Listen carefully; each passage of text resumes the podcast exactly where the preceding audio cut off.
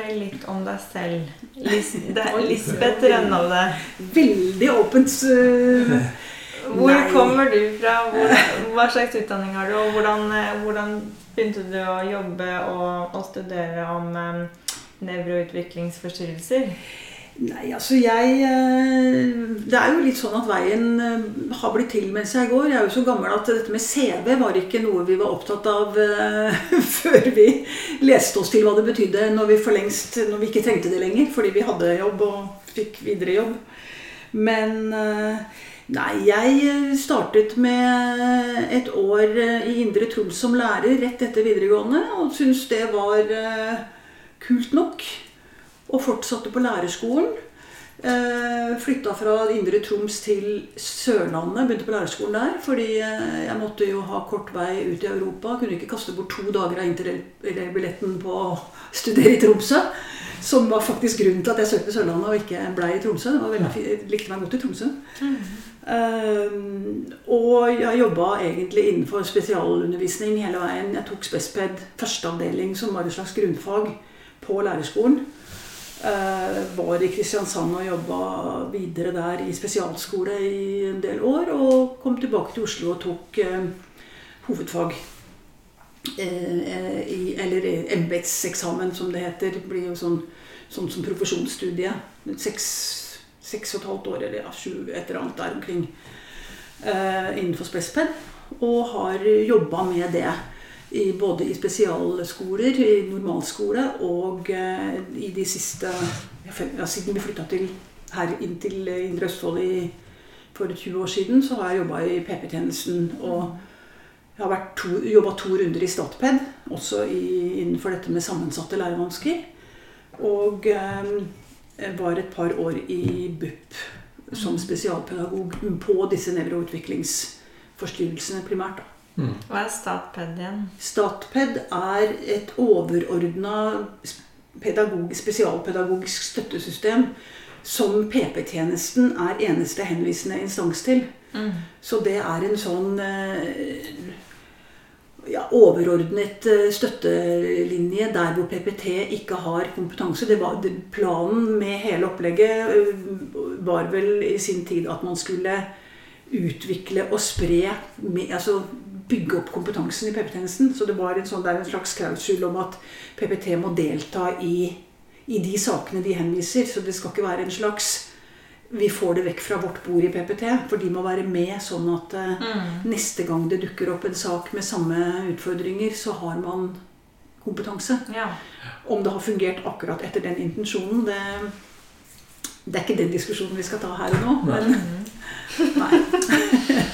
Og hvordan havnet du eh, Ja, du har jo skrevet flere bøker. Ja, det begynte jo med at jeg da på Jeg jobba jo på Torshov statlige spesialskole i Oslo da denne omleggingen eh, hvor, hvor, staten eh, Det ble bestemt sånn på slutten av 80-tallet antagelig at staten skulle ikke lenger drive med skole.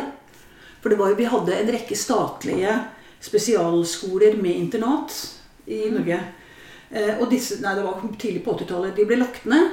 Eh, og de ble, de ble, skolene ble lagt ned, og det ble gjort om til eh, disse spesialpedagogiske kompetansesentrene. Nei, så, så da, da, var det jo å begynne på scratch å lese seg opp, rett og slett. Og begynne å ta unna saker. Og, og jeg var jo da blant de som skulle jobbe med bl.a. ADHD. Mm. Og, For det er ADHD og Tourette som du kan veldig mye om? Det kan jeg veldig mye om. Mm. Og alle sånne ledsagende vansker. altså Disse vanskene, disse, disse tilstandene kommer jo sjelden aleine. Mm. Altså, ADHD kommer jo ofte med kombinasjoner i språkvansker eller med tics-problematikk eller med eh, ja. ja. andre vansker i tillegg, da. Mm. Og eh, kombinasjonen dysleksi og ADHD er også ganske vanlig, faktisk. Det er bare at man forklarer ofte alle problemene med konsentrasjons- og atferdsvanskene. Sånn at man kanskje ikke har sett så tydelig hvor mye annet som faktisk er der. Mm. Og depresjon og angst og sånne ting dras ofte med, hvis, særlig hvis ikke dette har blitt diagnostisert og, og fått uh, sin rettmessige behandling. Mm. Sånn, Hvis vi begynner med ADHD, da. Ja. hvordan vil du si at eh, kunnskapsnivået er eh, nå kontra da du begynte eh, å jobbe med disse tingene? Har det skjedd Altså For det er jo Jeg vet ikke sånn Hvis du skulle prøvd å forklare hva som skjer i hjernen på noen med ADHD, eller om, det, om vi har noen måter å på en måte eh, hva skal jeg si, si noe om det, eh, uten at det blir altfor avansert. Er, er det mulig å egentlig gjøre det, eller, eller kan vi Ja, altså jeg, jeg driver jo Det har jeg jo prøvd å gjøre mm, i foredragsbransjen nå i 25 år ca. mm. Så jeg er jo nærmest perfeksjonert Ja, akkurat det. da, vi rett person. Eh, ved å si noe sånt som at Og selvsagt med gode illustrasjoner. Det, bare det Jeg er for mye spesialpedagog til å tro at det, å bare snakke eh, Mm. funker. Så litt bilder og litt eh, Litt eh, festlige tegneseriesnutter. Og der har vi jo Tommy og tigeren har jo vært en god venn. Og Sits det er jo egentlig mest sånn forresten, Nei, det går mer på dette med tenåringshjernen, som jeg også har vært opptatt av. Modningsnivåene og utviklinga der. Men eh, Tommy han er en klar ADHD-fyr, ikke sant? Med den derre litt for mye eh, gode ideer eh, som settes ut i livet uten filter osv. Men kortversjonen av ADHD må vel Jeg tror vel at man har eh, sine ord i behold hvis man sier at eh, hovedproblemet er ujevn signaloverføring mellom celler i hjernen. Ja. Ganske enkelt. Og, den u, og, og disse cellene altså de, de eh, signal, Det er en rekke signalstoffer som går i forskjellige kretsløp. Uh, og for at eh, innkommen informasjon skal komme dit i hjernen at det kan saksbehandles og vurderes og analyseres og hva det skal, for så å fatte en beslutning som sendes ut igjen dit hvor dette skal ut i armer og bein, om du vil, eh, så, så er man avhengig av de signalstoffene som bringer med seg signalene. Mm. Eh, Og problemet her er jo at disse, signal, disse cellene som signalene går gjennom, de er eh, dessverre ikke kjedet sammen. For da hadde ikke dette problemet vært der. Det hadde sikkert vært andre problemer, men, men eh, nettopp fordi det er denne bitte lille brøkdelen av en millimeter spalte mellom hver celle, så trenger man disse signalstoffene som frakter med seg informasjonen fra celle til celle. Og der svikter det. Ja, så liksom i eh, nevrotransmittor eh, Ja. Altså I synapsen. mm. Men den der millimeters Den derre bitte lille brøkdelen av en millimeters spalte mellom cellene, der skal signalstoffene, som er da nevrotransmittere, men Mm. signalstoff funker veldig bra å si, der skal de bringe sin, sin Jeg tenker på det som at de Hva skal vi kalle de, de partiklene Jeg, vet, jeg egentlig tenker alltid at jeg må finne ut hva heter egentlig hver av de som frakter men hver av de små partiklene som da er ladet med sin informasjon, fraktes over til neste celle. Mottakercella frigir impulsen. Og så trekkes jo da dette signalstoffet tilbake dit det kom fra. Mm. Sånn at det, er, det går i et kretsløp over den der synapsekløfta til mottakeren. Så skjer det et opptak der av den impulsen. Og så er det da tilbake med selve signalstoffsubstansen som et reopptak tilbake dit hvor det kom fra. Og da tenker jeg så enkelt som at for ny opplading. Mm. Og så svikter det akkurat her. Fordi eh, beskjedene kommer ikke hele og eh, fulle, fulle ut og over til neste. Og videre og videre og videre. Så det blir egentlig litt sånn som viskeleken i bursdag. Og vil, vil du, tenker du at dette skjer over hele hjernen, eller er det områder i hjernen hvor det skjer mer? Ja, det er jo ikke viktig hva jeg tenker om det. Men, Ja, nei men sånn men, eh, og jeg, det er et veldig intelligent spørsmål som jeg faktisk ikke er sikker på. Men det som er mest relevant altså det, det skjer jo ikke i hele hjernen, fordi det er jo noen kretsløp som eh, vitenskapen er enige om er involvert. Som frontallappen og Det er bl.a. det kretsløpet som eh, bruker dopamin. Er i hvert fall involvert.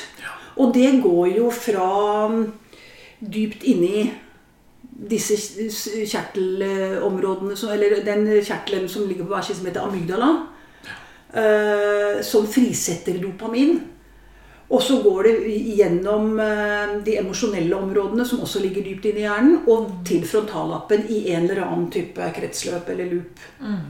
Og da får vi jo Og når vi da tenker på at eh, ujevn overføring av signalstoff gir ujevn informasjonsflyt, gir ujevn væremåte, så har du jo egentlig bildet av eh, hele opplegget. Ujevnt nivå på konsentrasjon, ujevn evne til å holde seg i fokus, veldig ujevn på om man er samarbeidsvillig eller ikke. Eh, blir veldig fort sliten og blir veldig fort gira og blir veldig fort tørst og blir veldig fort alt mulig, og alt kommer litt som kasta på. Du har ikke liksom forvarselen altså det, det bare, man, man er på en måte prisgitt seg sin egen, sitt eget kaos. Og dermed så blir man jo også mye fortere sliten. Og jeg kan tenke meg altså Alle mennesker har jo Vi har jo alle ulikt eh, temperament og humør og, altså, som er innafor normalvariasjonene. Men det er klart, har du dette ujevn fungering eh, som du ikke styrer, og du vet ikke hvor det kommer fra, og du vet ikke når det snur og svinger, så er det klart at eh, du skal ikke ha veldig eh, mye temperament før du kan framstå som ganske eh, irritert. ikke sant? Fordi det er jo, du er jo i en slitasje hele tida, egentlig. Nå vet vi hva det kommer av. Eh, Det er jo Altså, vi vet jo hva det kommer av nettopp på sånn celle- og nevrotransmitternivå. Vi vet jo hva det kommer av i den forstand at det er genetiske komponenter her som spiller inn. Det regnes som en eh, svært arvelig tilstand. Eller mm, veldig, alle disse nevroutviklingsforstyrrelsene jo, har jo en rekke genetiske komponenter. Eh, som det er en type multi... Hva kaller man det? Polygenetisk. Eh, hvor det er ulike komponenter fra ulike gener som kan virke sammen.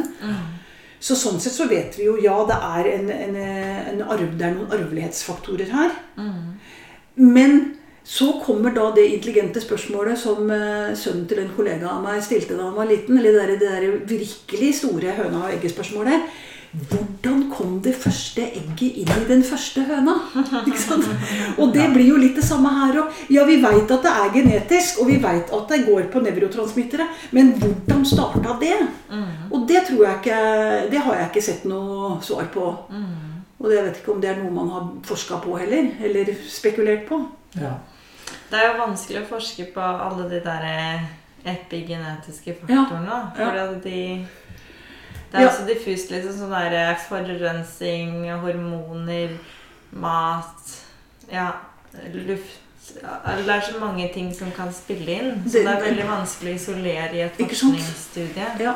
Og, og, og nettopp fordi det er jo så mange ulike variabler som spiller inn her, så er det ikke sikkert at en som har vært utsatt for akkurat eh, den eh, miljøpåvirkninga eh, ender opp med dette, men det gjør en annen som er utsatt for akkurat det samme. Men kanskje den har en mor som røyka to sigaretter om dagen i, inntil tredje måned i svangerskap. sant? Eller man vet jo heller ikke om mors kosthold uh, i svangerskapet har noe å si. eh, eh, har det, ikke sant? Så her er det veldig mange sånne og, og Ja. Ja, sorry. Nei, jeg hørte bare en sånn interessant teori om at eh, Altså, de som er litt fryktløse, da, eh, og litt lav impulskontroll og kanskje ikke tenker seg så godt om før de gjør ting eh, At sånn populasjonsmessig så var det alltid en del av disse, og det var de som ville på en måte utforske verden, eller ikke sant eh, finne på å reise over havet og sette i gang uten å, ikke sant, eh, noen strategi for hva de hadde tenkt å oppdage og sånt. da. Og, og, og at det kanskje på en måte gjør også at eh, hvis du har en del eh, individer med den sammensetningen altså i, i oppførsel og sånt, så, så vil det gagne eh, flere også, da. Kanskje? Ja, det er sånn der antropo, Den antropologisk, sosialantropologiske forklaringen, eller noe sånt. Ja. Um, ja, det er vel én sånn, men det er, det er sånn som jeg ser på som så litt sånn der Ja. moroteorier. Litt sånn Eh, Uh, og på samme måte, så, men som kan gi veldig sånne artige refleksjoner. Eh, og litt sånn, ja, men det er klart at det er jo logisk. At man trengte noen som rett og slett ville flytte litt lenger enn at det blei fullstendig innavl. ikke sant? Men, men eh, på den annen side eh, så Hvis alle hvis, hvis de da bidro bare med, med sånn dårlig impulskontroll og problemer med selvregulering og øh, å trekke altså svært kort lunte og ingen, ikke noe filter, så er det ikke sikkert at det, det ville være den Hvor hadde vi vært hvis det var liksom disse som Ja. hadde med verden? av verden? Og den andre sånn moroteorien som egentlig fort kan virke eh, ikke bare sånn som jeg kan dra på smilebånda, men også bli litt sånn fed up av, det er den her jegere og sankere-teorien. Og at eh, ADHD-erne, det er jegerne som, som var ute, og som eh, eh, var veldig sånn uh, var i bevegelse og ikke sant? De hadde ikke ro til det der langsiktige Ja. prosjektet. Men, eh, Den har jeg ikke hørt. Nei, altså det er en, en amerikaner med noe, et sånn norskklingende navn, eller skandinavisk-klingende navn. Jeg holdt på å si Tom Johnsen, han heter ikke det, men det er nesten på det nivået. Som har skrevet et par bøker om dette. Og, og, og det er jo ikke skrevet bare som en sånn artig vinkling på dette med ADHD, men man, man på en måte blir litt sånn insisterende på at dette, dette er en måte å forstå det på. Men eh, Men, mm. jeg snakka med en, eh, en av de av disse legene som virkelig er en pioner innenfor dette feltet i Norge, som var litt sånn sa litt tørt at eh, ja, har jegere og sankere, meg her og meg der. Altså, jeg er ikke sikker på at det var en uh, umedisinert ADHD jeg ville tatt med meg på elgjakt. Er jo For da skal du jaggu ha utholdenhet på å tåle å kjede deg. Ikke sant? Og det funker jo dårlig for de folka her. Men du hører jo konstant at folk sier jo sånn her eh, At det er en Hvis du klarer å finne, i hvert fall som, som voksenindivid, da, den der reguleringsevnen, så kan det jo nesten være en sånn gave, eller sånn en plussting. Ja, altså Hva hvis du du om det? finner Eller er det bare på en måte en, det er en sykdom som er negativ, og som skal behandles? Nei, jeg, nei, absolutt ikke. Jeg tenker jo at Og det, jo, det viser seg jo at veldig Altså hvis du kommer hvis du kommer deg helskinna gjennom eh, grunnskolen, eller 12, de, 12, de 13 skole, første skoleåra eh, Og det gjelder jo egentlig veldig mange barn og unge. Du, og det, jeg pleier faktisk å si det til lærere. altså eh, det å komme seg med selvfølelsen i behold gjennom grunnutdanningen. Sånn at man kommer dit hvor man kan på en måte begynne å improvisere og velge og finne sin vei og sin nisje. Eh, Så det, er- det er jo i de mest pregende årene at utfordringene er størst. For det første så er det jo da det skjer mest i hjernen, og også for, altså for alle. Eh, Og man er nødt til også være med på et prosjekt hvor du skal lære litt om alt mellom himmel og jord som ikke interesserer deg i det hele tatt. Fordi og, man kan jo akseptere og skjønne at systemet må være litt sånn, fordi vi veit jo ikke hva den respektive vil velge videre. Derfor så må det jo være en bredde.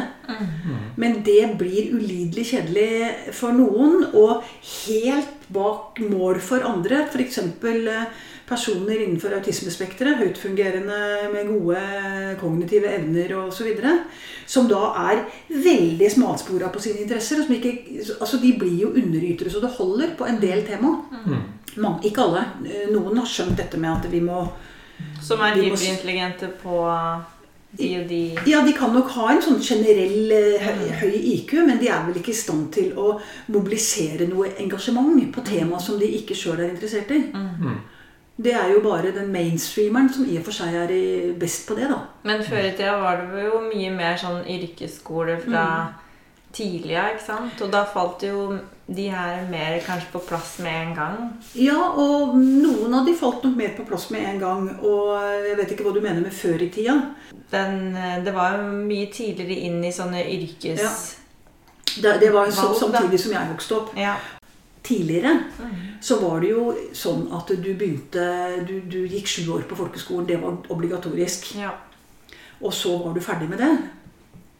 Eh, Eller du, begynte, du kunne begynne å jobbe i skauen, du kunne dra til sjøs, du kunne fortsette på Framhaldsskolen eller noen yrkesutdanninger. Mm. Så det var jo sånn sett færre som nådde sitt sånn inkompetansenivå, kanskje. Sånn som man gjør i teoriskolen nå, da. Mm.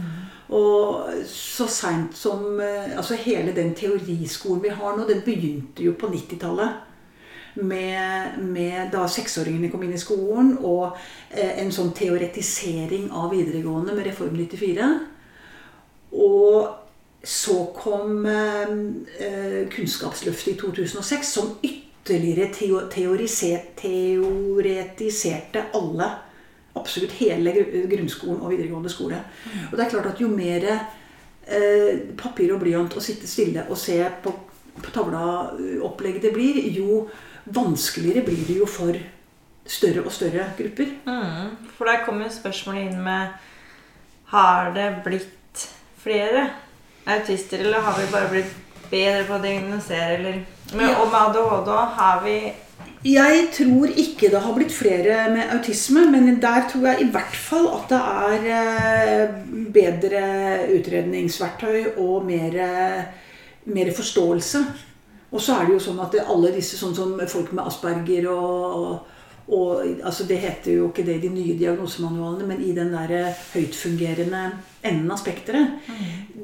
De fikk jo ingen diagnose i tidligere tider. Og det er ikke sikkert de trengte det heller. Eh, ble kanskje sett på som litt sær, litt professoraktig, men eh, folk fikk nå holde på med sitt, liksom. Mm. men jeg er ikke så sikker på at det var at det, at samfunnssystemet nå skaper flere med ADHD. Eh, heller. Men, eh, men eh, hvis man tenker Hvis man mener at det, al- altså Hvis man holder fast ved at ADHD har med nevrokjemien å gjøre, mm. så tror jeg vel ikke det. Men at man skaper flere som faller fra.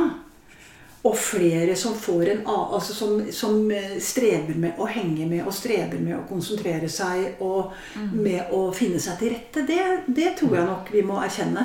Og da er det jo den med skjerm og med søvn og Ja. med skolepress og med Ja, ja. Og tempo, aktivitetsnivå, tempo, Ja.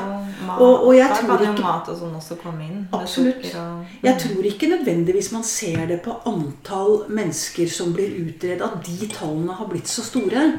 Men man ser det jo mer på dropout-statistikken, som jo ikke går ned uansett hvor mye politikerne prater om hvor bra det skal bli. Og man ser det ikke minst på psykisk helse. For det er jo nærmest eh, steady en sånn 15-20% med så store psykiske helseplager at det faktisk er eh, behov for hjelp. Men det har vel økt, begynt å øke nå. Ja, nå har det økt ytterligere. Mm. Så nå snakker man vel en 20-25% men det er nå det siste året og med denne, denne nedstengningen osv. Mm. Um, det, er nå- det er så. Mm. Uh, men de som strevde også før, det er klart at de, de strever ikke noe mindre. Mm. Men, men de, det syns ikke på statistikken om eh, folk strevde på nivå 8 før, og nå strever de på nivå 11. Det er, det er jo det samme. Men at man har fått flere som For statistikken, det går jo på hvor mange som har søkt eh, hjelp. Enten Jeg vet ikke hvordan man har sjekka ut dette. Om det er alt fra psykisk helsemedarbeider i, i videregående skoler til eh, henvisninger til eh, BUP. Mm. Og den ligger stort sett på sånn 15-20 Ja. ja. Og det har den gjort gjennom de siste Veldig mange år. Ja, ok, Det er veldig interessant. Da. Og det er, eh, er Men alle de strever jo ikke på et sånt ekstremt nivå. Nei. Men, eh, men eh, at, det er, eh, at det er en stor andel Og ikke sant, dette med spiseforstyrrelser, dette med hvor mange selvmord og selvmordsforsøk det er blant folk mellom 16 og 26 f.eks. Ja. Dette er jo tall som egentlig Jeg har ikke de tallene her og nå, men jeg har lest noen av de der ungdatastudiene opp igjennom. Og disse tallene holder seg jo ganske likt, altså. Mm. Tror du at det er en veldig stor altså, Hvis du ser f.eks. på autisme eh, kontra ADHD kontra alle andre psykiske lidelser. Eh, tror du at det er på en måte mye av de samme mekanismene som, som, som ligger der? Eh, Med dette så- med kjemien ja. Eh, altså Når det gjelder eh, autisme, så er det vel eh, ingen eh, Man har vel ikke noen entydig forståelse, i hvert fall ikke som jeg er, mm, kjenner til, på hva det er. Det, det siste jeg har vært borti på det feltet, er at man egentlig begynner å se at autisme er ikke én ting. Men at det er en hel vifte av Og da går det ikke bare på spekteret fra høytfungerende til, eh, til lavtfungerende på, på funksjonsnivå, men det går på, på eh, en rekke ulike variasjoner over dette her. Altså, som når man har begynt å liksom forske på hva er det, Men man er i hvert fall helt enige om at det verken er kalde mødre eller trippelvaksine som er årsak til problemene. problemene. Sånn også i forhold Altså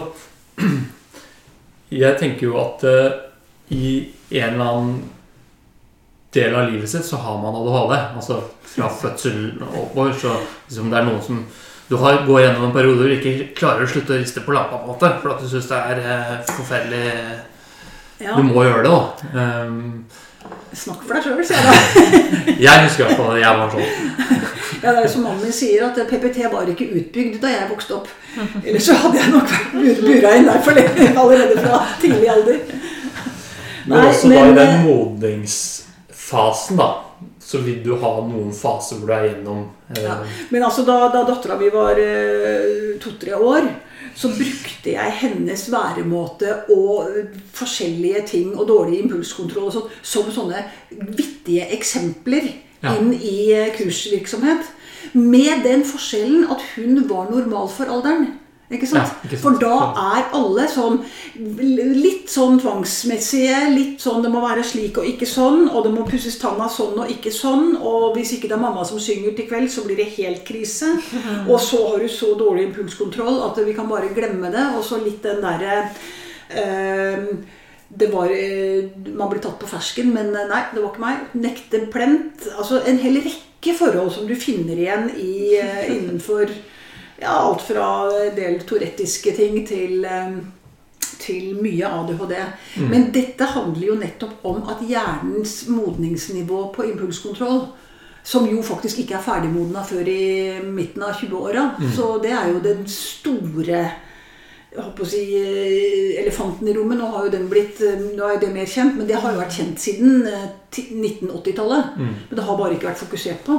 Tror du det er også derfor at gutter faller fortere ut av skolen, eller hvis modningen er litt til Eller altså Gutter er litt treigere enn jenter igjen, Ja. faktisk.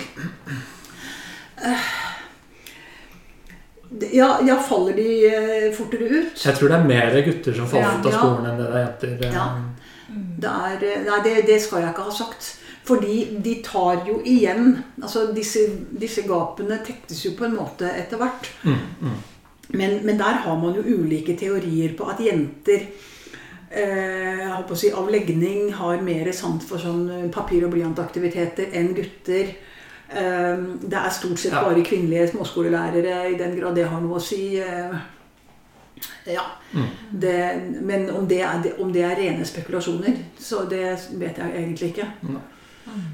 Men eh, Nei, men hva, det Hva er det du Hva er det du kan fra forskningen nå som du skulle ønske at foreldre og lærere kan implementere bedre i dag? Eh, det, kanskje det viktigste ordet innenfor dette med særlig ADHD, eh, å virkelig ta inn over seg, det er selvregulering. Det er et kjerneproblem. Og det er når vi snakker? Det, det, det, eh, Frontallappsfunksjonene, som jo er? Frontallappen kalles jo ofte i litt sånn uh, morolitteratur, eller også faktisk en del amerikanske fagartikler, sånn for hjernens administrerende direktør. Det er jo, det er, jo den, det er styringskontrolltårnet. Og det er jo den som mottar all denne informasjonen som kommer stykkevis og delt, fordi signaloverføringene ikke funker. Og og blir da i sine og, og så har man samtidig dårlig impulskontroll. Det er jo en del av selvregulering. Men man blir på en måte i sine impulsers vold. Man, man, man styrer alt som treffer hjernen eh, utenfra av eh, inntrykk. Altså hjernen, har jo, hjernen vil jo egentlig gi respons på alle, alt som treffer den, kan man si. Eh, og så har man da ulike reguleringsmekanismer. Som gjør at eh, de i, i ganske mange sammenhenger så, så ter vi oss med filter. Og det er det filteret, det funker ikke. Og det er denne, disse reguleringsmekanismene. Og da, da kan man egentlig trekke veksler på kunnskap fra sånn traumebehandling og, og sånne ting. uten at jeg, Det er ikke noe likhetstegn mellom traumer og ADHD. altså det er ikke det jeg mener, Men hvor man er opptatt av for der har man også dette med at når reguleringsfunksjonen, emosjon, emosjonsreguleringen svikter ikke sant? Eh, personer som har, eh, har eh, vært utsatt for et eller annet store traumebelastninger. Hvis de kjenner den samme lukten, hører den samme lyden, eh, eh, tror de så den samme personen, så vil da, da løper det emosjonelle systemet løpsk. Det er ingen regulering, ingen kontroll. Og, det går, og, og når, når hjernen først begynner å koke, så fører det over på hva blir det, det sympatiske nervesystemet. Som da begynner man begynner å kaldsvette, man begynner man blir klam i hendene, man puster. Og så gir det beskjed igjen til hjernen om at oi, nå er det fare på ferde, for nå er du kortpusta. ikke sant? Og så, så er alt sammen skapt ut av ingenting. Men hele systemet drar seg sjøl Alle delene drar hverandre opp. Og litt det det er jo da Og der opererer man da med dette med samregulering og reguleringsstøtte. At voksne skal ta Bistå barnet eller ungdommen da, i å, få landa dette og få roa det ned ved å være støttende og bli sånn altså, nå, nå, puster vi sammen. Altså, mm. sånn, sånn, som man da gjør innenfor det traumefeltet. Så, så, da skal man se etter de tegnene, da? Nå kommer stressreaksjonen, eller nå er ja, altså, Men så ille som det er det jo ikke i ADHD-feltet. Men det er litt den derre Du har dårlig selv, Du har dårlig evne til selvregulering. Du har dårlig evne til å drive deg sjøl. Enten det er noen snakker om at de, noen personer med ADHD de kommer bare ikke i gang. De får ikke ut fingeren. altså Den derre startmotoren mangler.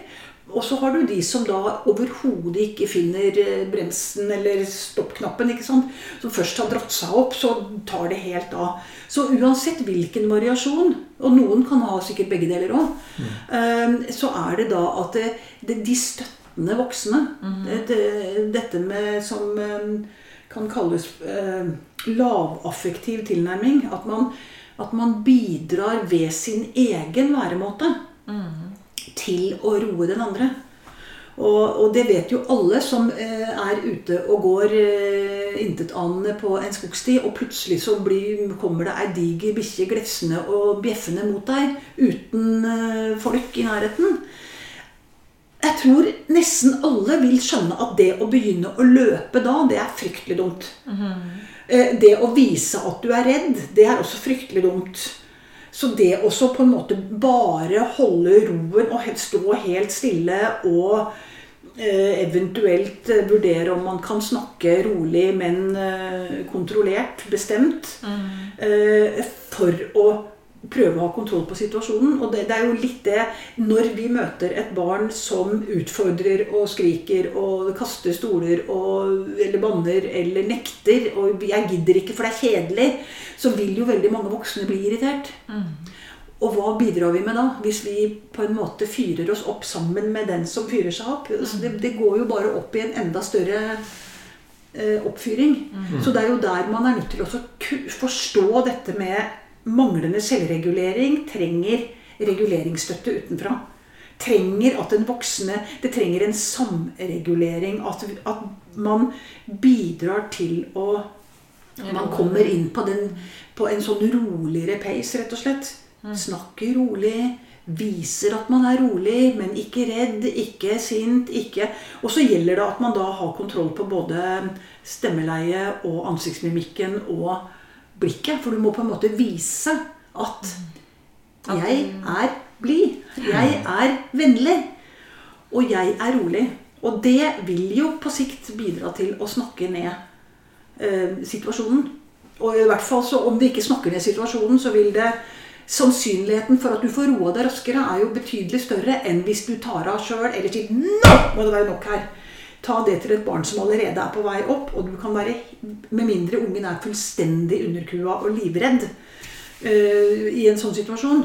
Uh, men er dette et rimelig, et vanlig trygt barn, så vil jo det antagelig bare bidra til at det fyrer enda mer. Og der kan vi komme inn på dette nye forskningsfeltet som heter speilnevroner. ikke sant? For det handler jo om akkurat det. Det der med at det, det merkes i ens egen hjerne, det man observerer hos en annen. Om man speiler omgivelsene. Ja. Mm. Det krever jo ganske mye, da. Som, av fore som forelder. ja, men hva er alternativet? Nei ja, ja. Hva Ja. er alternativet? Altså, Mats blir pappa om tre-fire uker, Oi. så Ja, ja, da ja. får han begynt å prøve seg. Jeg skal kjøre så mye sånn speilnevroner at det, det skal speiles alt. Stakkars Og det skal stimuleres. Ja. ja, nei, ikke men yrkesskada der. Jobber du på samme sted? Jeg jobber i Sandvika. Oh, ja. Det var da enda godt at ikke halve kontoret går ned med, med svangerskapspermisjon. Jeg sant? forsto at en kollega der akkurat har gått ut. Ja. Det er, Det er min uh... Oh, ja. Det er, ja, nemlig. Akkurat. Ja, så det kommer til å savne henne. Ja. Men det er jo, man får jo virkelig prøvd seg da, som forelder, både med et normalfungerende barn og med et barn med disse utfordringene. ja. Og så er det vel eh, så det, det, er jo, det er jo ikke nødvendigvis helt smooth uansett hva slags barn man får. Nei. Man Altså, kommer til å gjøre feil uansett, og reagere feil, og... det, det viktigste er jo at man at man har en At man klarer å ha roen og ikke liksom bidrar til å piske opp stemningen hvis det først tilspisser seg. Mm. Og det er tøft nok, det, i perioder. Og, og dette med dårlig søvn og det ene med det andre. Men, Ja. eh, nei, det, Lunta blir kort, kortere da.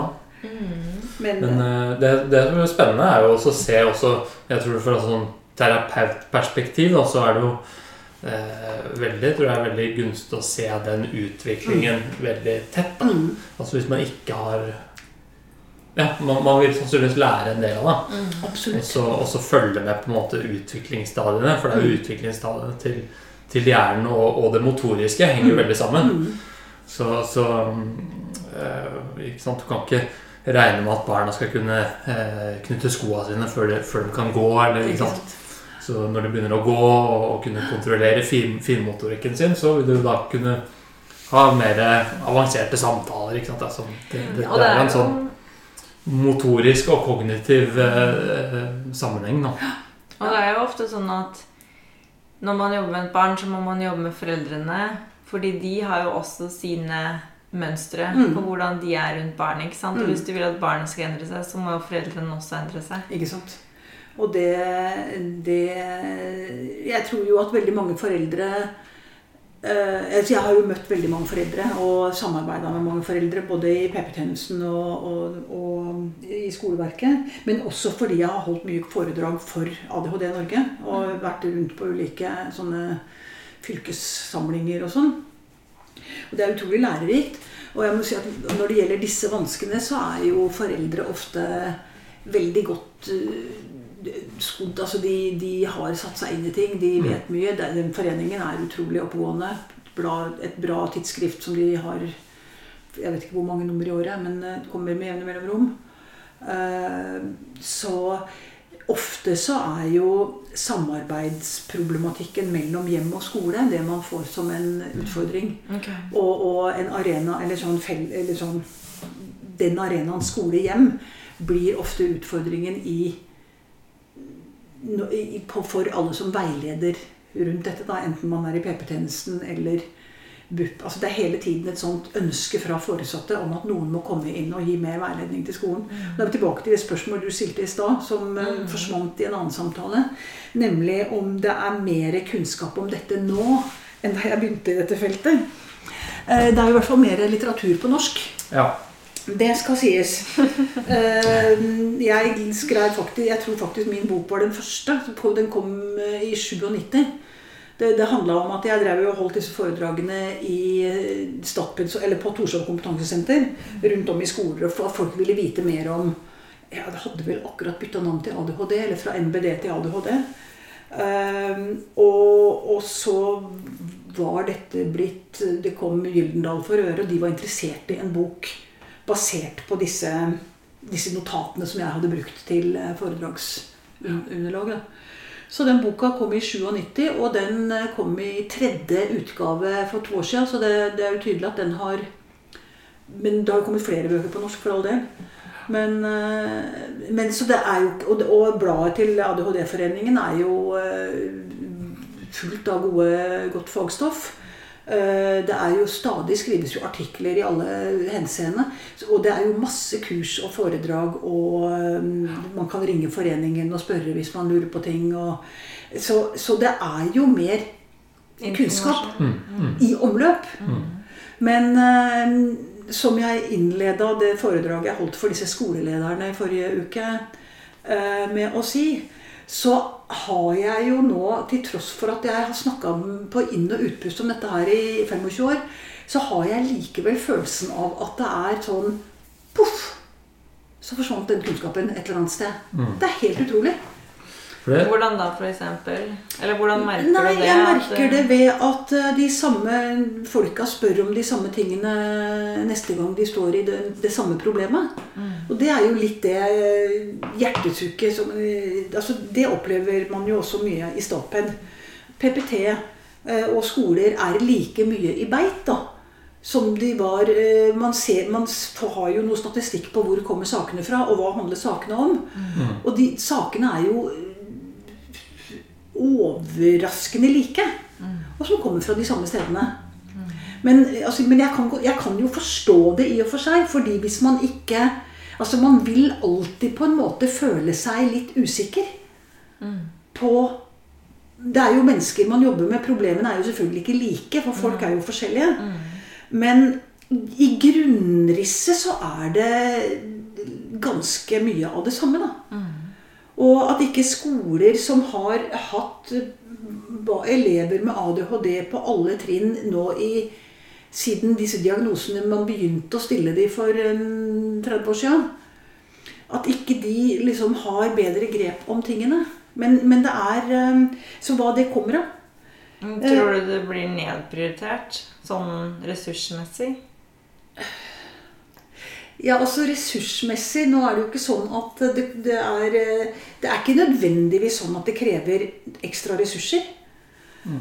Det krever eh, eh, Det krever litt eh, sånn Kanskje litt sånn ryggmargsforståelse. Og kanskje litt viljen til å tenke at dette barnet trenger en litt annen vinkling på ting. En litt annen, eh, et litt annet tempo. Kanskje jeg må være litt kjappere, eller bare, at denne må få litt ekstra informasjon eh, enn de andre. At man må ut av å tenke klassen som helhet. mm. Burde det vært kanskje vært eh, lagt opp til mer av den type utdannelsen i læreryrket? At de får en forståelse av hva som er læring fra et er hjerneperspektiv? Altså sånn hvilke ting vi ser på eh, det nevrofysiologisk. Mhm. eh, hva som skjer da hos de som ikke klarer helt å få med seg ting. Eller Ja. at det, det er forskjeller i, i hvordan vi lærer og eh, ser omgivelsene våre. Ja, ja, det tror jeg kunne være en god idé. Og, og når du sier det, så har jo jeg vært og holdt foredrag på Høgskolen i Halden og for den saks skyld på Bislett høgskolesenter i sin tid, på lærerutdanninga der. I forskjellige eh, diverse år på rad, sånn, fordi deler av min bok har vært på pensum. Og det er jo forsvinnende lite de har om disse tingene. Jeg vet ikke hvordan det blir i en master, men eh, faren Nå er jeg kanskje litt slem og fæl, og det Det er lov på har jeg lov til. Og i min alder så er jeg desillusjonert òg. At det blir mer matte og norsk. Enn det blir eh, nevroutviklingsforstyrrelser eller eh, ja, altså Innenfor nevroutviklingsforstyrrelser så sorterer til og med dysleksi. Ja.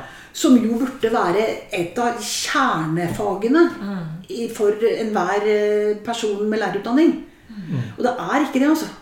Jeg har fra meget troverdig hold, fra øverste hold i Dysleksi Norge, så har jeg det at det er mer om dysleksi, eller var i hvert fall det da, da dette ble sagt. Eh, mer om dysleksi i, eh, på optikerstudiet enn på lærerskolen. Mm. Og det er jo skremmende. Mm.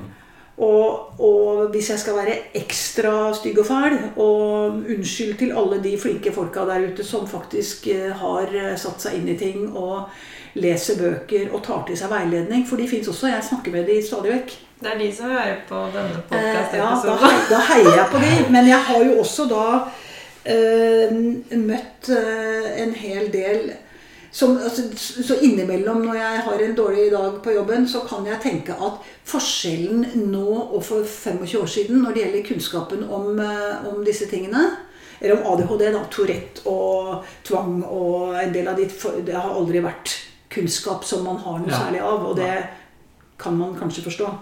Men, med men om ADHD så er kanskje hovedforskjellen enkelte steder er at nå tror de at de kan noe om det. Ja. Ja. Mm. Og det er jo enda verre.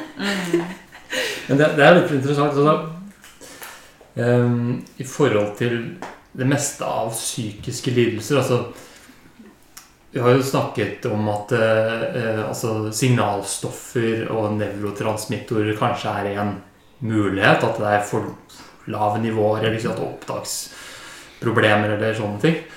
Eh, men, men vi har jo ikke noen måte å måle dette her på. Det er fortsatt ikke noe det er jo egentlig bare teori. Vi vet jo ikke hvordan hjernen eh, produserer eh, consciousness. Eller altså egentlig. Vi, vi har jo ingen anelse. Og det har jo ikke forandra seg i det hele tatt siden Altså Vi har like lite peiling på det nå som vi hadde for sant, 50 år siden, kanskje. Men ja, det, ja, det vet jeg faktisk ikke, akkurat det.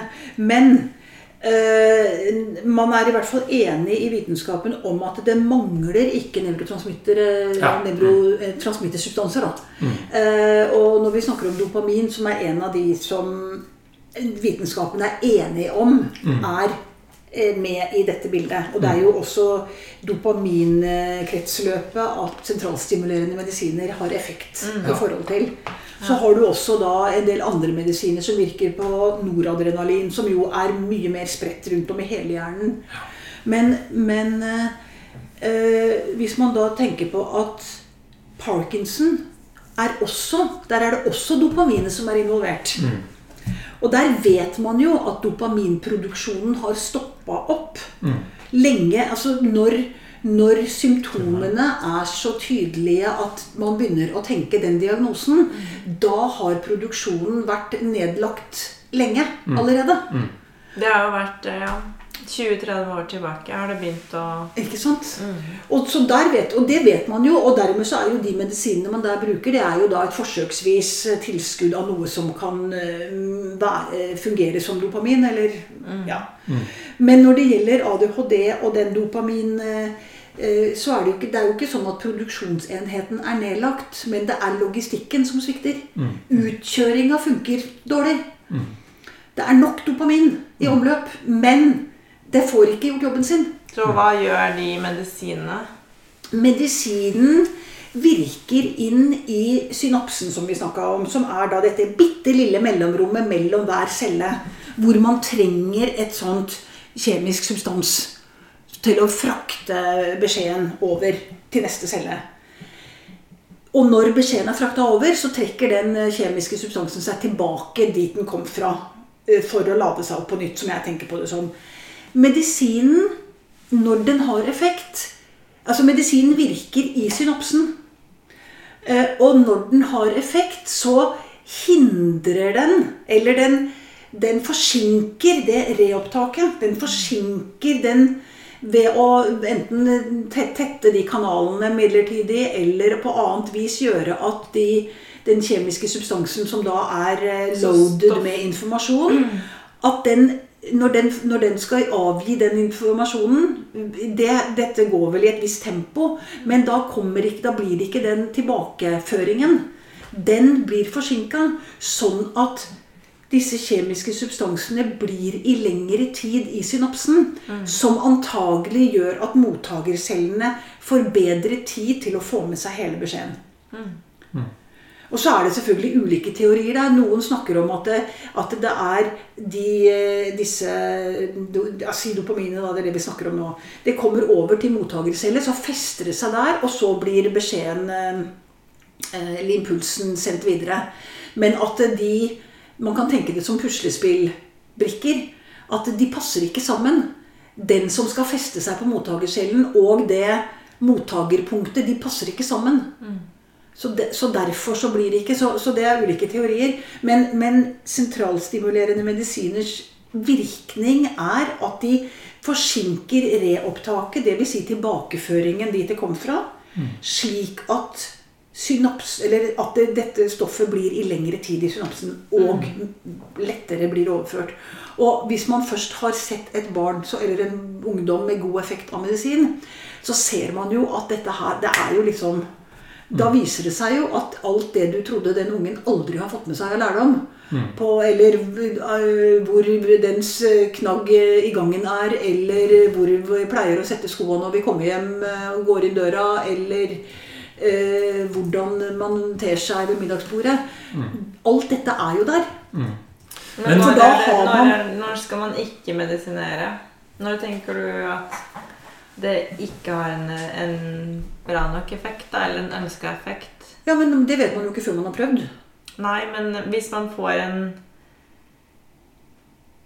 på en måte Er det de som er velfungerende, eller er det de som ikke responderer på medisin? Eller er det, de som, er det noen som responderer dårlig? Er det når de får andre psykiske bivirkninger? Når er det man tenker at det her eh, Altså, disse medisinene har er, er eh, ikke altså det, Jeg tenker at det er sånn at får man diagnose altså Hvis barna har så store utfordringer at man har jobba seg gjennom alle disse systemene og ventelistene og spørreskjemaene og ratingscalene for å finne ut av hva problemet heter, og man får den diagnosen. For det er ikke sånn at du, du stikker ikke innom fastlegen i lunsjen, og så får du en diagnose. Altså. Det er et langt lerret å bleke.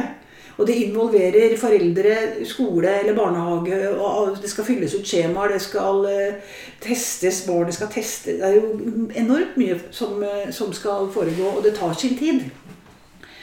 Hvis man først har fått den diagnosen uh, som jo ingen vil komme på å begynne å lete etter hvis man ikke allerede opplever så store problemer at uh, noen må hjelpe oss.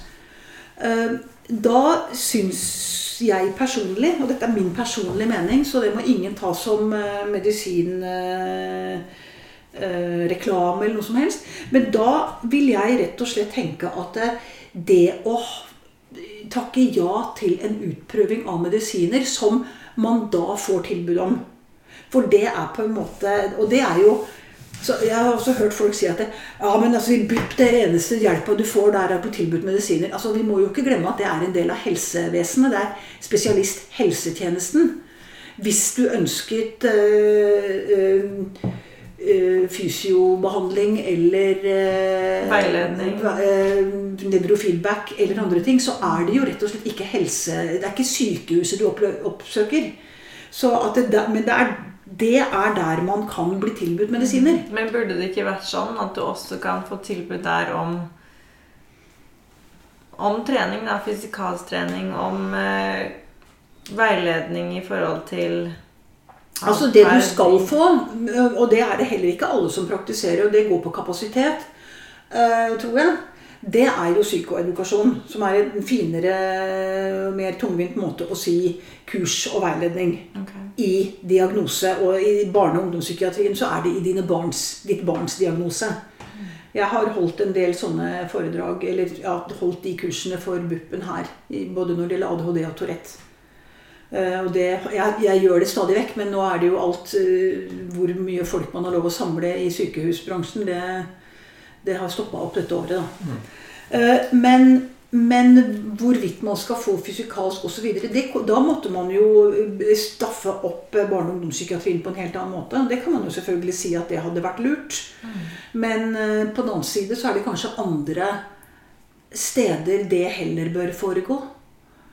Eh, Og det er jo ikke sånn at det mangler den type tilbud, men, eh, men det vil være sånn at man kan Man bør absolutt kjenne til det i enhver, enhver sånn diagnoseenhet som helsevesenet tross alt er, spesialisthelsetjenesten er, at man da vil anbefale foresatte å starte med terapiriding eller terapisvømming eller Og det er det jo for så vidt mange som gjør.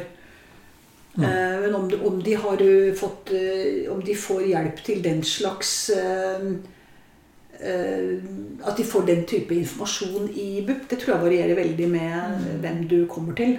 Har du vært borti noen som liksom har kjørt Hva skal jeg si Tar den litt alternative, kan du kalle det, ruta da, i forhold til å Altså å ikke prioritere medisinering, men heller kjøre kanskje nevrofeedback, hesteridning, kosthold, glutenfri diett All in, på en måte. Ja, ja. Altså Eh. Problemet hvis man går all in med alt på en gang, er at man jo ikke vet hva som Ja. funker. Eh, Men jeg kjenner faktisk folk som driver med nevrofeedback, og jeg vet jo, men, men der også tenker jeg man skal være litt forsiktig med å si at man behandler ADHD eller dysleksi eller eh, Ja, ja. eh, Altså sånne, så, sånne ting som er eh, altså sånne de- definerte diagnoser, men at man bidrar til bedret fokus. At man kan bidra til form for avspenning. At man kan ha At eh, noen opplever at de har fått god eh, effekt knytta til bedre søvnkvalitet. Bedre konsentrasjonsevne. Mm. Det kan jeg tro på. Men, og eh, samtidig som det er mange som Så det er liksom eh, alle, alle disse alternativretningene. Bortsett fra omega-3. For der er det noen svære britiske studier som selv skolemedisinerne har vært nødt til også å anerkjenne at det har hatt effekt på gruppenivå, på konsentrasjon osv.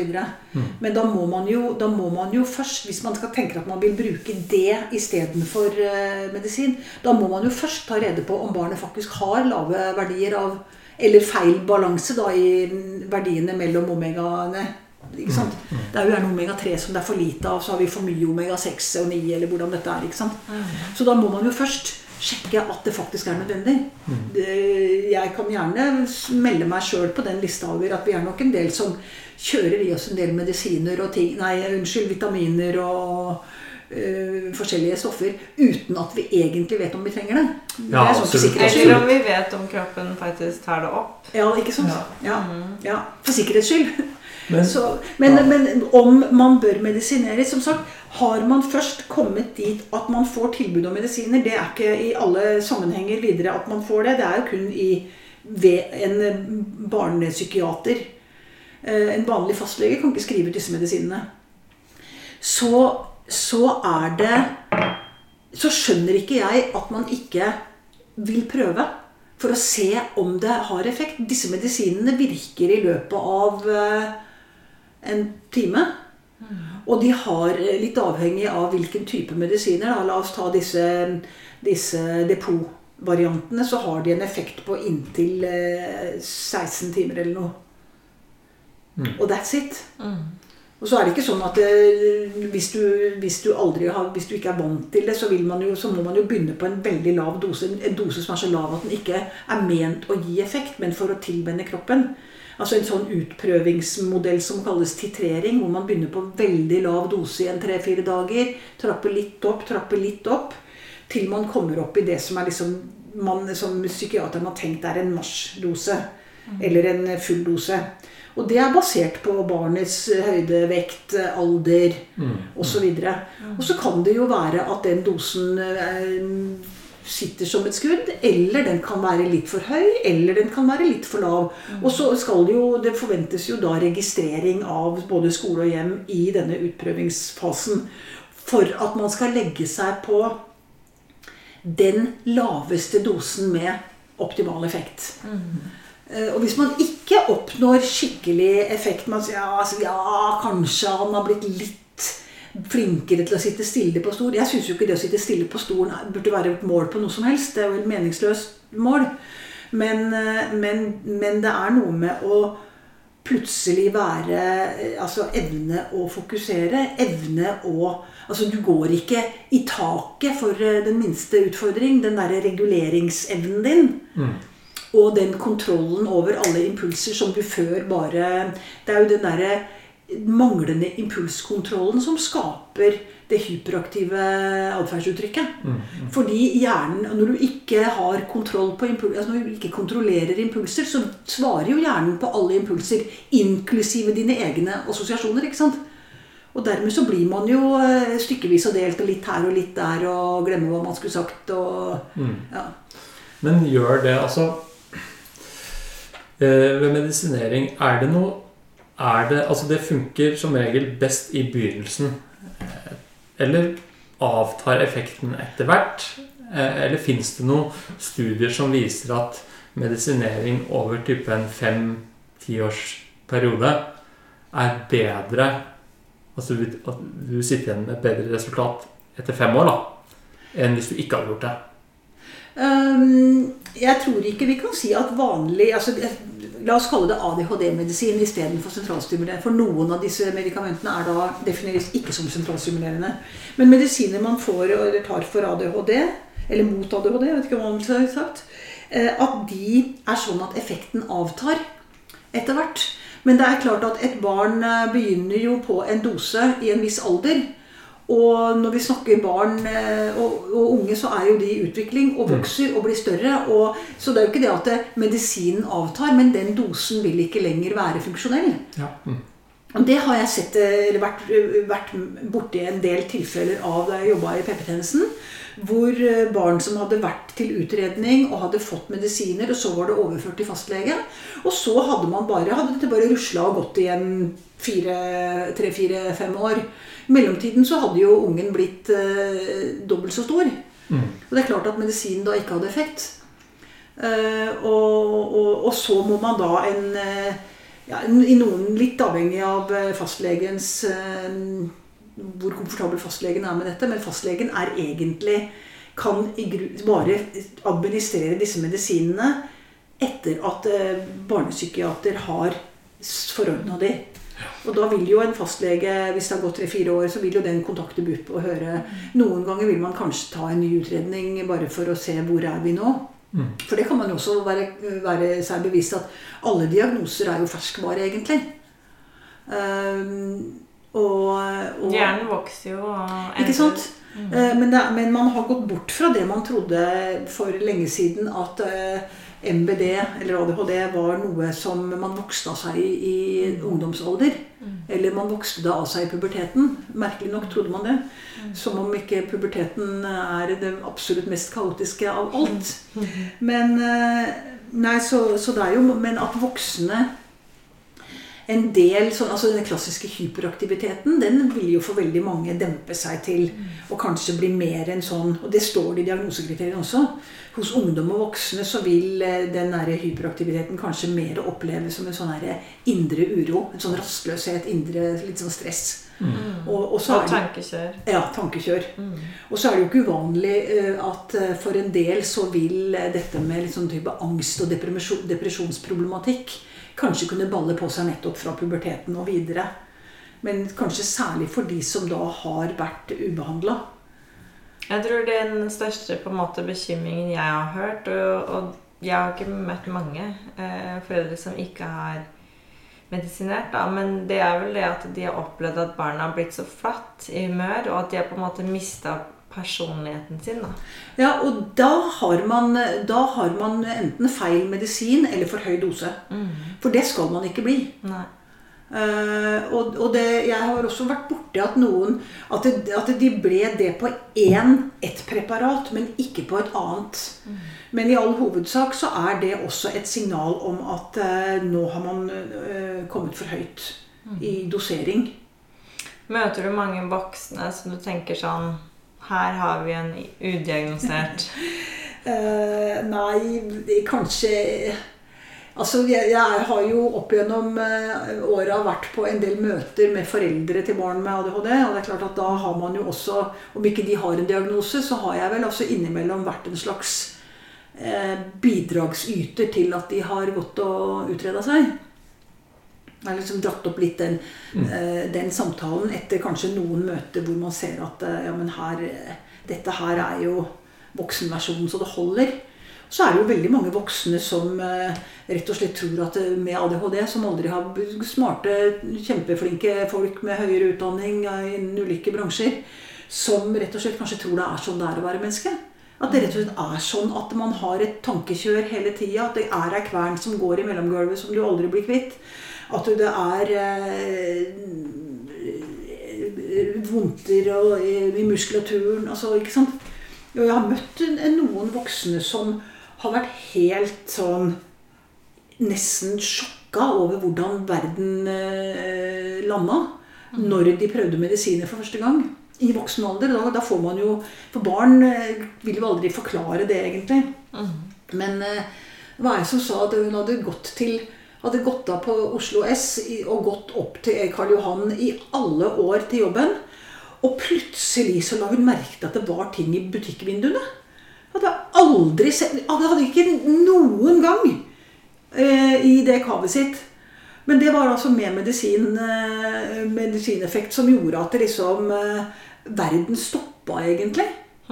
Eh, å snurre. Sånn at du kunne konsentrere deg om én og én ting. At du kunne si 'Å ja, jøss, der var det fine vår, eh, vårklær i det butikkvinduet'.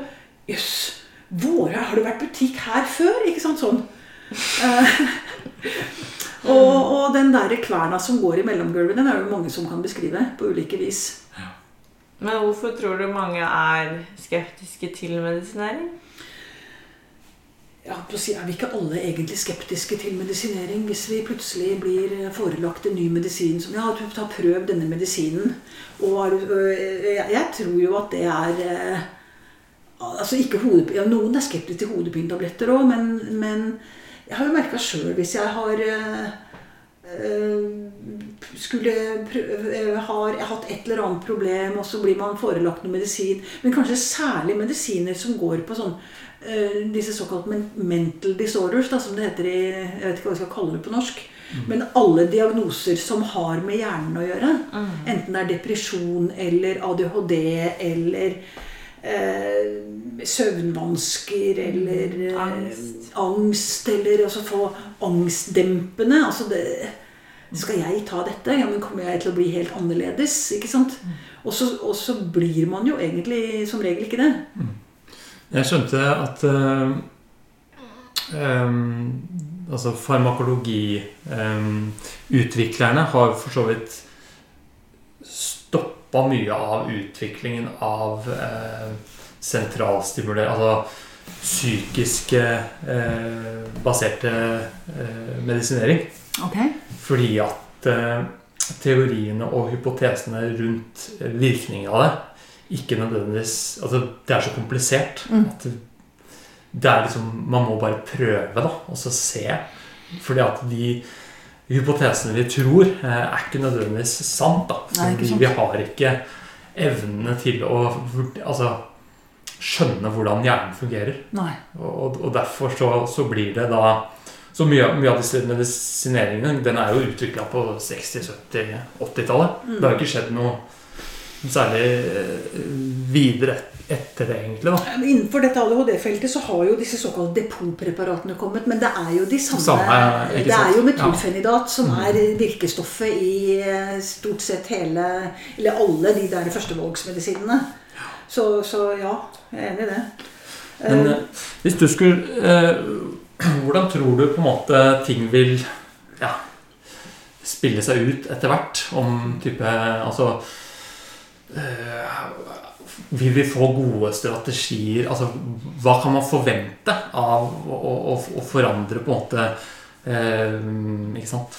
konsentrasjon, og atferd, sånne ting? Eh, er, tror du at noen forventer for mye, på en måte? At de, de skal For det, det, I dag er det veldig sånn der at det, alt skal være så perfekt. Ikke sant? At vi, vi, vi skal, alle skal være superflinke i matte og norsk og lese og skrive. Konsentrere seg og være ute og gjøre 100 ting samtidig. Få seg en master.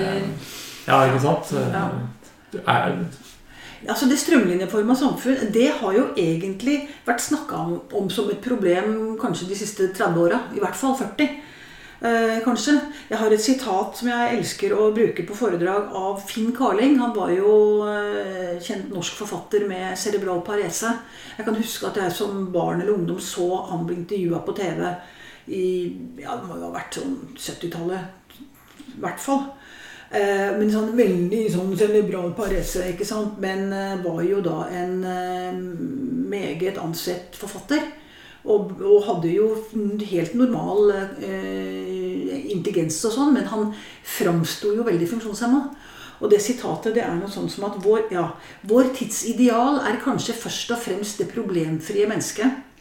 Mennesket som springer ut av sengen om morgenen med en appelsin i hånden og jubler for en ny og lykkelig dag. Og, og det er klart at det er jo et veldig sånn fiffig bilde på dette perfeksjonismen. Ja. Men greia er at det må han ha skrevet på 70-tallet. Ikke sant? Jeg får nesten litt frysninger av det, fordi det forteller meg jo da at problemet altså. Det der med strebersamfunnet var jo der da òg. Det, var jo, det var jo litt sånn Det var ikke veldig anerkjent å være en som gikk for de gode karakterene i klassen på ungdomsskolen eh, på 70-tallet heller. Det var ikke samtidig som man ville opp og fram. Som sagt, Begrepet CV hadde vi ikke fått med oss, men eh, jeg husker jo jeg gikk på eh, ungdomsskolen med folk som skulle bli advokat, og blei det. Ikke sant? Sånn at man var jo opptatt av eh, mm, å komme seg opp og fram da òg, og var eh, flink i idrett og holdt på med ting. Altså, man, man dreiv jo med ting da òg. mm, men når vi vet hvor mange omdreininger dette vår tidsideal har tatt siden da, for det har det jo mm. Eh, Og alle skal realisere seg sjøl. Forskjellen på da og nå er jo at, eh, at eh, foreldrene holdt vel ikke da i samme grad på å realisere seg og være sine barns eh, kompiser eller venninner. Altså sånn, For nå skal alle Mor dro ikke på, egen, på, på jentetur til eh, Praha eller eh, på retreat eh, i, med yoga, ikke sant? Sånn at, at support-teamet i de familiene som fungerte, selvfølgelig Det var jo da som nå problemfamilier. Men at man kanskje hadde større support på hjemmebane, der hvor det funka. For nå skal alle på en måte realisere seg, uansett alder og mm. rolle i familien. da. Pluss at Og så er det det høye tempoet du nevnte. Og, da. Og skjerm og stimuli Ja. og hele tiden Og særlig skjerm og stimuli. Mm. Og hva det gjør med søvn og eh, evne til konsentrasjon. Mm. Det- Bare det, det på uh, vi, har, vi ligger jo langt etter eller nå, nå, er, nå går det jo fortere og fortere at det blir likt, men, eh, men det var jo en periode hvor man snakka om at eh, i USA så klarte ikke folk å konsentrere seg lengre spenn enn den tida som var mellom to reklameinnslag på en film. Og det, var- og det var eh, 20 minutter, eller Men vi er vel snart der her òg. Eh, Så, så Og det er jo ikke det at Ja, men altså kanskje konsentrasjon også er sånn Hvis man har normal, normale forutsetninger, at det likevel er noe som krever en viss trenings At man, man er nødt til også kanskje holde på litt lengre strekk. Mm. Og jeg syns jo det er eh, I alle, alle kretser eh, så er det jo sånn at folk holder jo ikke på med bare én ting av gangen. Du må på en måte sjekke mobilen samtidig som du ser på TV, eller eh, eh, høre på iPad eh, samtidig som du Altså, Ja. ja. Jeg har en venninne som sa det litt fint. Hun sa Jeg vet at jeg trenger å roe ned. Hvis jeg, hvis jeg ikke kan ta opp en bok og liksom komme inn i boken Hvis jeg ikke klarer å Mhm. komme inn i boken, da vet jeg at jeg er urolig og trenger å kjede meg litt. Ja. Og det, det er, stemmer litt for meg òg. Ja. Det at du kan finne den roen og konsentrasjonen når du fokuserer på noe Mm. som ikke er celle på en måte Sånn som skjerm er jo veldig sånn interessant av seg selv. Selv om du ser på noe kjedelig, at jeg si, selv om du ser på noe tull, så føler du deg underholdt. Ja. Men det gjør du ikke med en bok. Nei. Du må liksom dykke inn i Ja. det.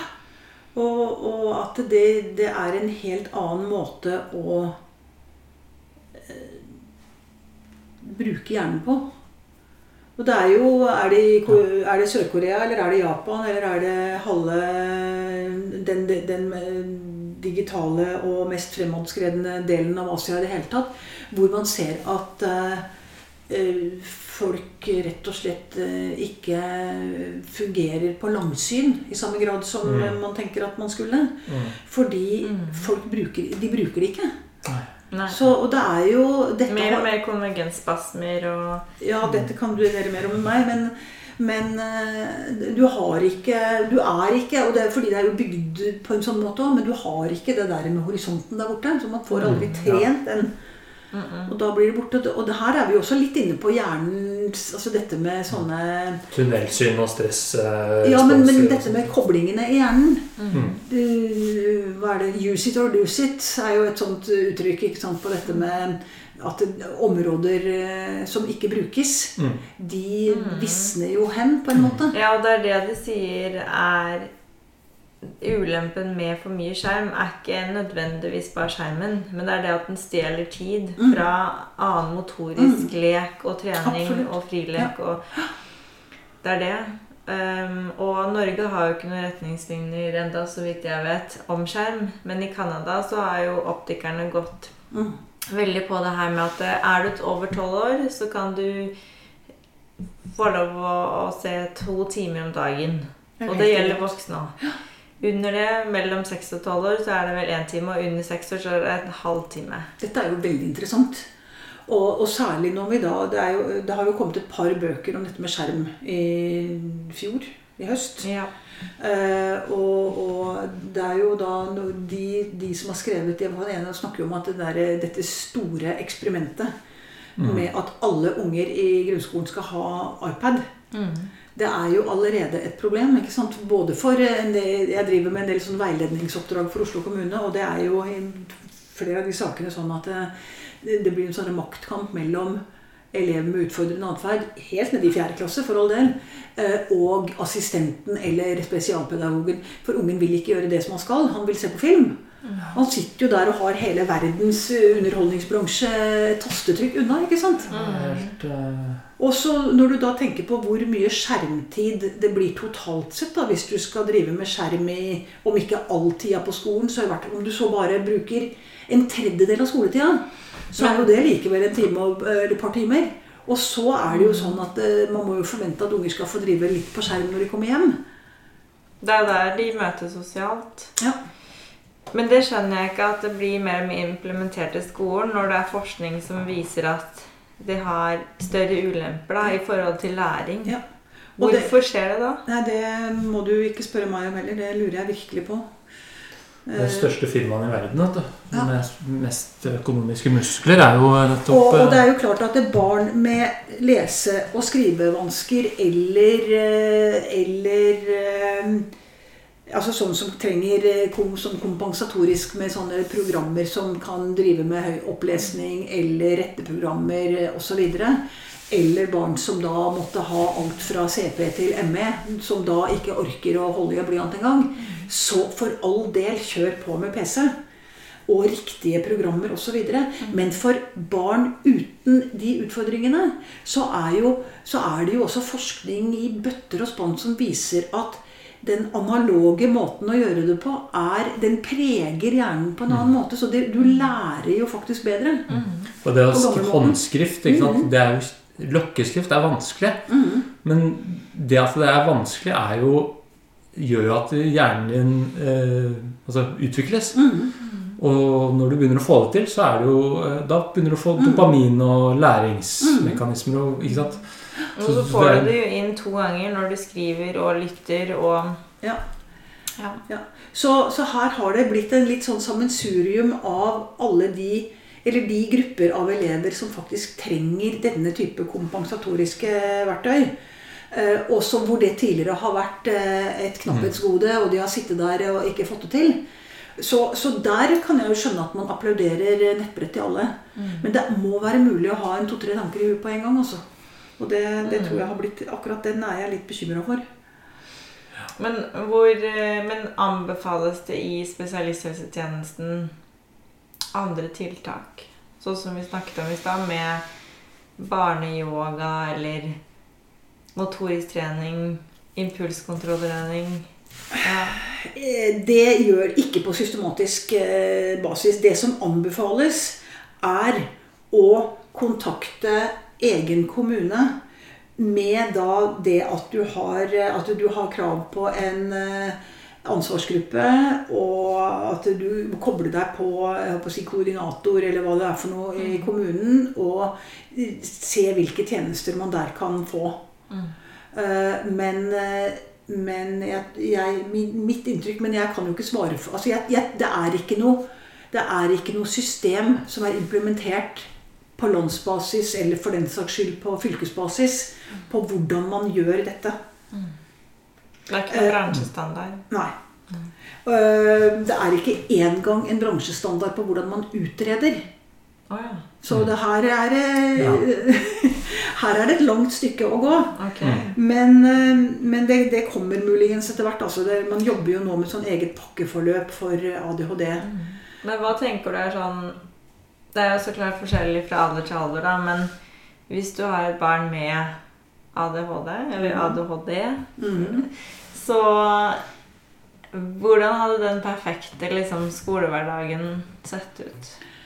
Hvor mange elever, hva, hva pauser, alternativ undervisning? Da, nå må det jo da sies at eh, barn med ADHD kommer i akkurat like mange eh, kategorier som andre barn når det gjelder evner og anlegg og leseferdigheter og matteinteresse osv. Så, videre. så det så Men hva syns du mangler? Sånn, er, det flere, er det mindre klasser? Eller er det at de får flere pauser? Eller er det at de får mer hjelpemidler?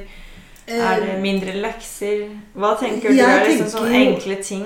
Eh, Som, De enkle tingene som veldig mange foreldre ville ha applaudert, var jo mindre lekser, eller at man kutta ut de leksene, som ofte blir en kjempestor kamp. mm, Og som eh, Altså, jeg er veldig opptatt av at hvis man holder seg med lekser, så må man punkt én ha en veldig god begrunnelse for hva, dette, hva man ønsker å oppnå med det.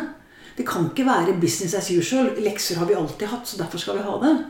Og punkt to så mener jeg at da må, skal man holde på med sånn gammeldagse lekser. Så må man også ha gammeldags oppfølging av de leksene. Da må de samles inn og rettes og leveres tilbake. For det har blitt borte. Stort sett. Man har lekser, men samtidig så er det ikke noe sånn daglig, på daglig basis gjennomgang av dette. Eh, Man har ukeplan, ikke sant?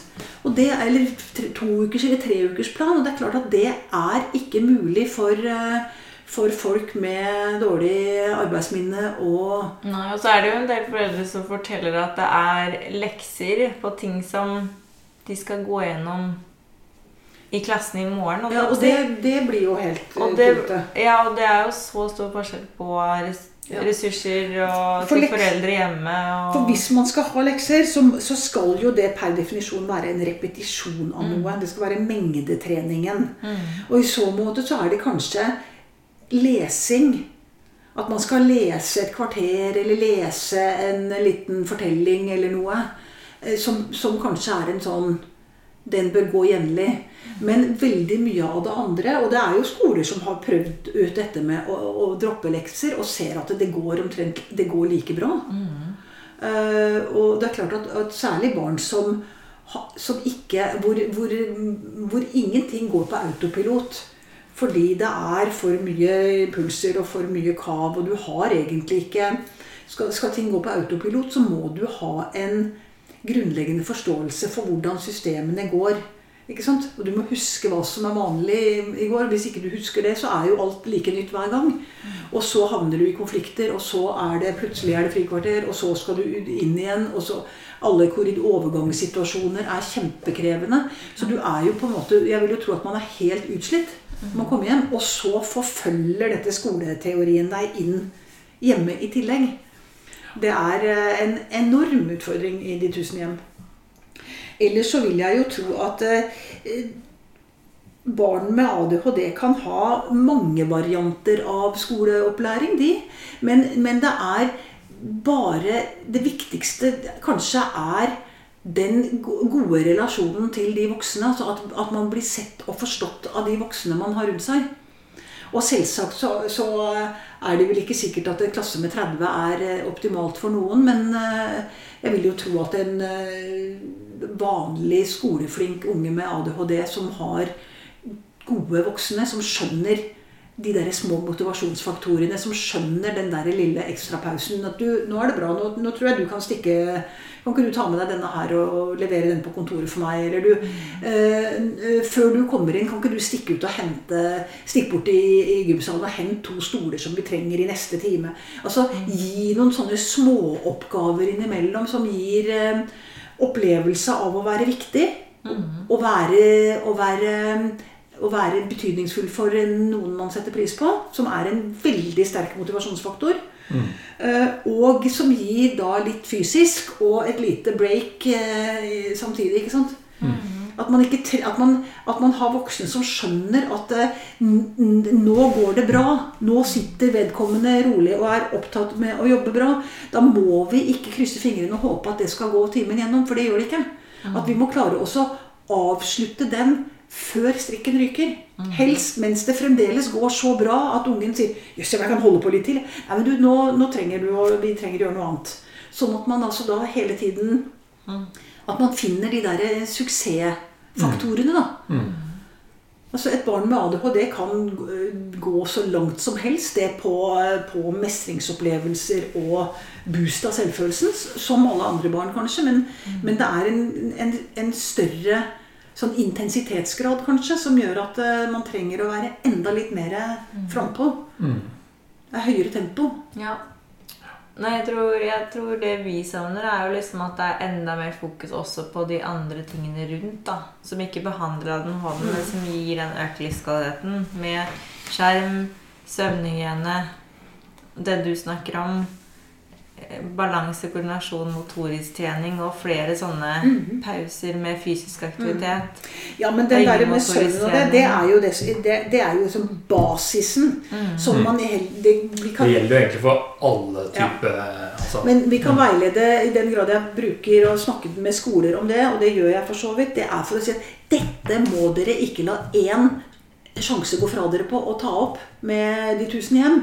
Søvn, kosthold og fysisk aktivitet, fortrinnsvis i frisk luft, det er basic. Og det må, det må på en måte sikres. For, og særlig, og kanskje av de altså De er jo like viktige, men, men søvn har så vidtrekkende Eller for lite søvn, systematisk for lite søvn, har så vidtrekkende konsekvenser at det er eh, Og vi vet jo at barn med ADHD sliter med søvnen. Mange gjør jo det. Ja, og det er jo, ikke sant Dysregulering på alle nivåer. Reguleringsvansker på alt. Også på søvn. Eh, og enten du Men Er det de samme søvnhygienerådene der som alle andre, eller er det noe ekstra? Nei, det er jo ikke noe ekstra. Men det er jo selvfølgelig eh, Og det er jo ikke sånn at alle sliter på samme måten. Noen, noen har innsovningsvansker, og noen har kanskje en søvnproblematikk som er såpass at den kvalifiserer til en egen diagnose. Sånn uh, forsinka søvnfasesyndrom type ting. Men så har du jo de ungene som man har jo også ADHD-barn som liksom sovner i halvmeter før hun treffer puta. For de er jo helt De har jo gått på overlære i 16 timer allerede, ikke sant? Mm. Så de sovner og sover som over sover natta igjennom. Noen av de har jo da også Altså, det fins faktisk foruten har ingen problemer med søvn. Men så er det andre som sover natta igjennom, men som har så mye uro i kroppen mens de sover, at søvnkvaliteten blir jo kjempedårlig. De har nok søvntimer, men altfor dårlig søvnkvalitet. Så her er det også mange variasjoner. Det er mye vi må forske på. Ja, eh, og hvis dere vil lese om søvn, så er det en eh, søvnforsker som heter Matthew Walker, som har skrevet en bok som heter Why We Sleep. ja, Den er så bra. Det var veldig interessant, ja. Da, han, jeg tror det var han som Eller var det Det var en annen journalist som, som tok Matthew Walker litt på det her. At eh, Walker er veldig på at vi må gjøre disse tingene og disse tingene. ikke sant, Skru ned lysene rundt og sånn for at vi skal kunne sove bra. Mm. Og da vil vi holde oss friske. Men så sa han det at eh, Men tror du kanskje at det er at vi ikke sover så bra fordi at eh, hjernen fungerer ikke så bra?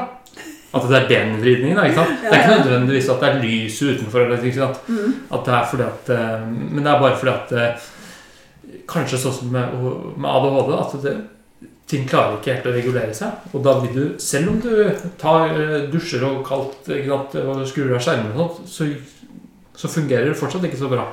Ja, det kan jo være.